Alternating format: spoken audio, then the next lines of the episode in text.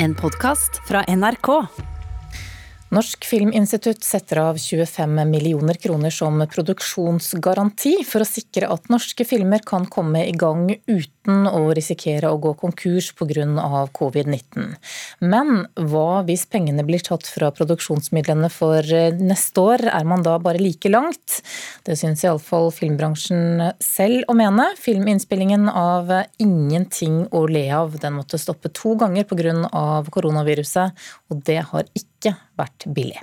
Totalt for disse stoppene er vel mellom 3 og 4 millioner kroner. Og det er jo store uforutsette kostnader. Gudny Hummelvold produserer filmen 'Ingenting å le av', og stoppe innspillinga har vært dyrt så er positiv til at Norsk Filminstitutt, NFI, nå vil hjelpe med å få i gang produksjoner igjen. Jeg syns det er veldig flott at NFI setter av penger til denne ordningen for å gi produsenter en slags liten trygghet i det å sette i gang med store ting. I dag er det umulig for produksjoner å kjøpe forsikringer som dekker tap pga. covid-19. Derfor har NFI satt av 25 millioner kroner som en garanti i tilfelle produksjoner får koronatrøbbel. Men Hummelvold reagerer på at bruk av garantiordninga vil føre til en reduksjon i Filmfondet for 2021. Det aller beste hadde vært om de hadde fått friske penger fra Kulturdepartementet, slik at ikke dette tar fra produksjonsmidler neste år, og som gjør at vi får færre produksjoner fremover. Åse Kringstad er leder i Virke produsentforening. Hun synes at 25 millioner kroner er en veldig liten pott men håper at den kan hjelpe bransjen med å holde hjula i gang. Men jeg syns jo at dette burde kommet fra regjeringen, og særlig når de nå kommer med en stor stimuleringspakke som skal gå til å holde aktivitet innenfor kultursektoren.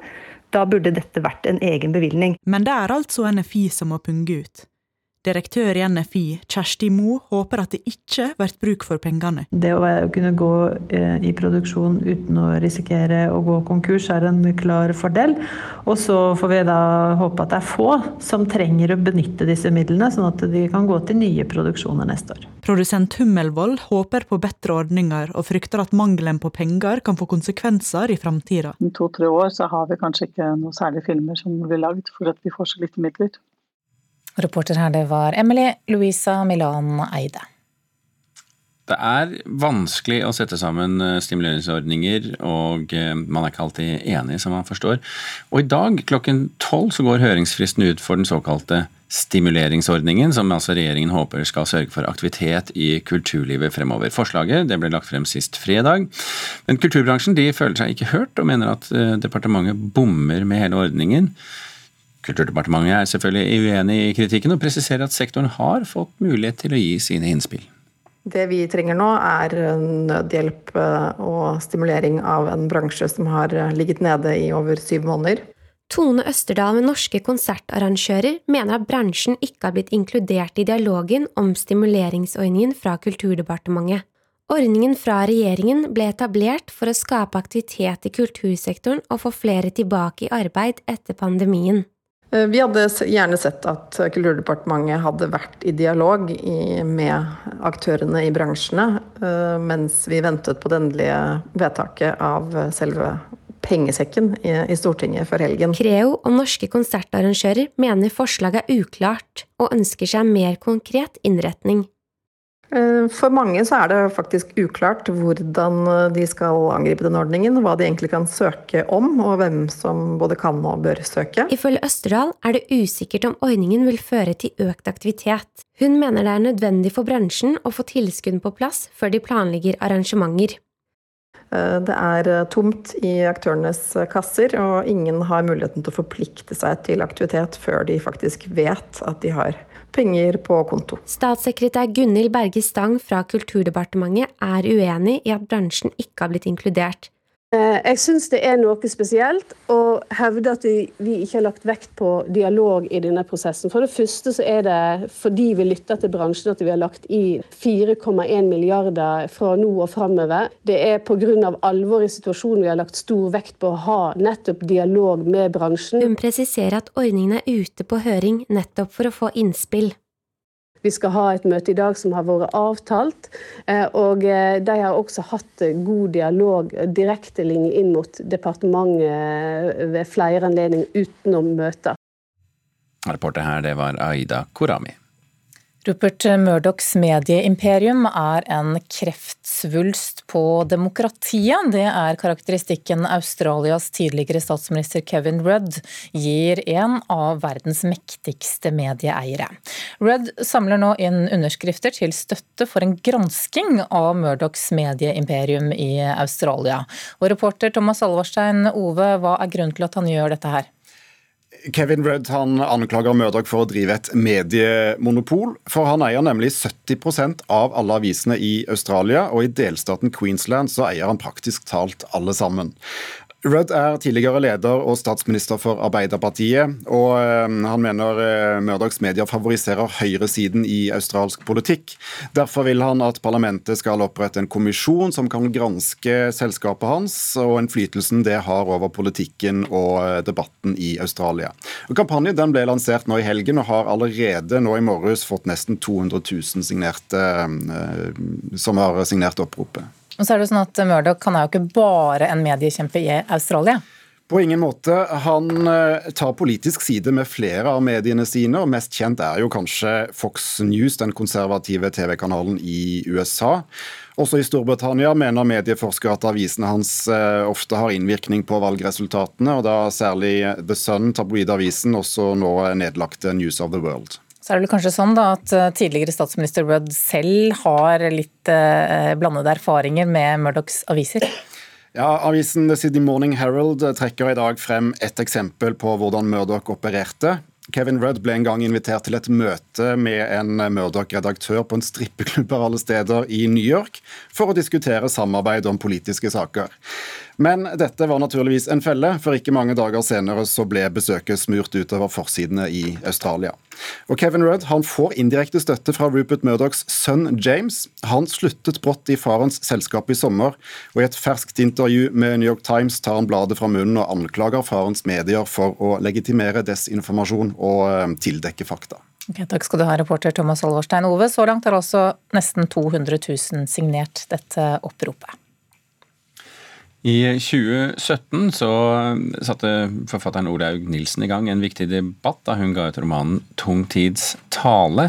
og Der beskrev hun hvordan det var å leve med en autistisk sønn, og ikke minst hvor vanskelig det var å få den hjelpen man trengte fra det offentlige.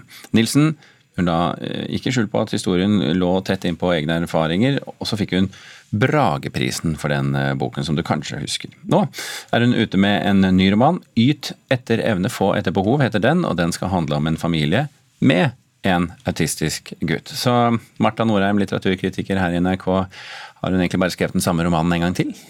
Nei, dette er noe helt annet. Jeg må innrømme at jeg lurte på om hun skulle ta en eh, ny runde, men det var jo selvsagt å undervurdere Olaug Nilsen grovt, for da skjønte jo hun at det ikke var noen god idé.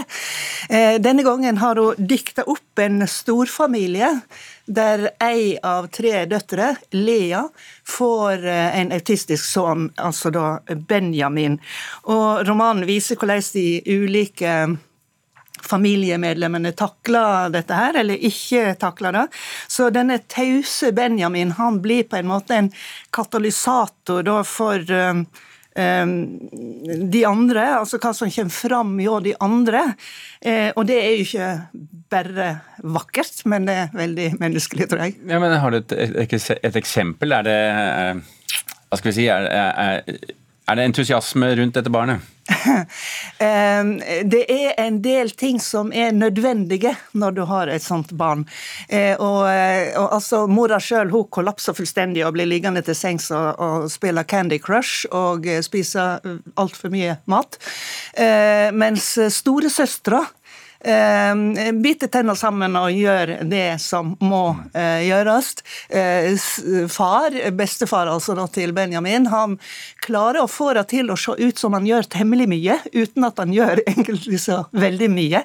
Mens eh, lillesøstera tenker at det alltid henne det mest synd på.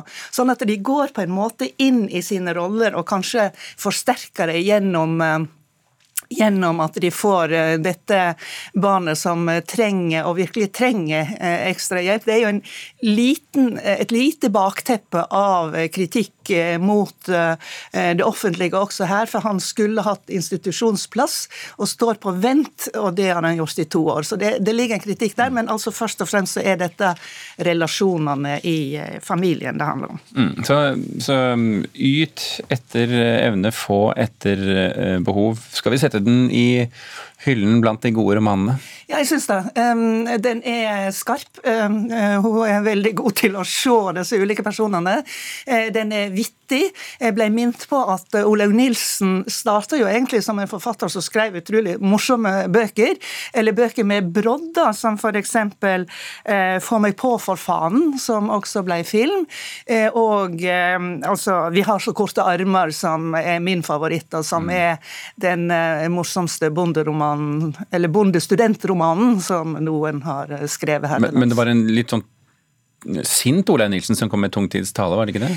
Ja, sint eller fortvila kanskje ja. mer, og, eh, og, med en eh, skarp eh, brodd da mot eh, mot det offentlige, men det var jo, det var jo en, en, en, brodd som var skapt av, av en fortvila situasjon. Mm. Um, så, så Tungtids tale er ikke en spesielt uh, morsom roman. Men, men denne mer? Uh, ja, i denne så, så kommer, kommer den der snerten tilbake som Olaug Nilsen ble kjent for når mm. hun begynte å skrive bøker. Det går ikke an å gjette hvordan det går, skriver du i notatene her.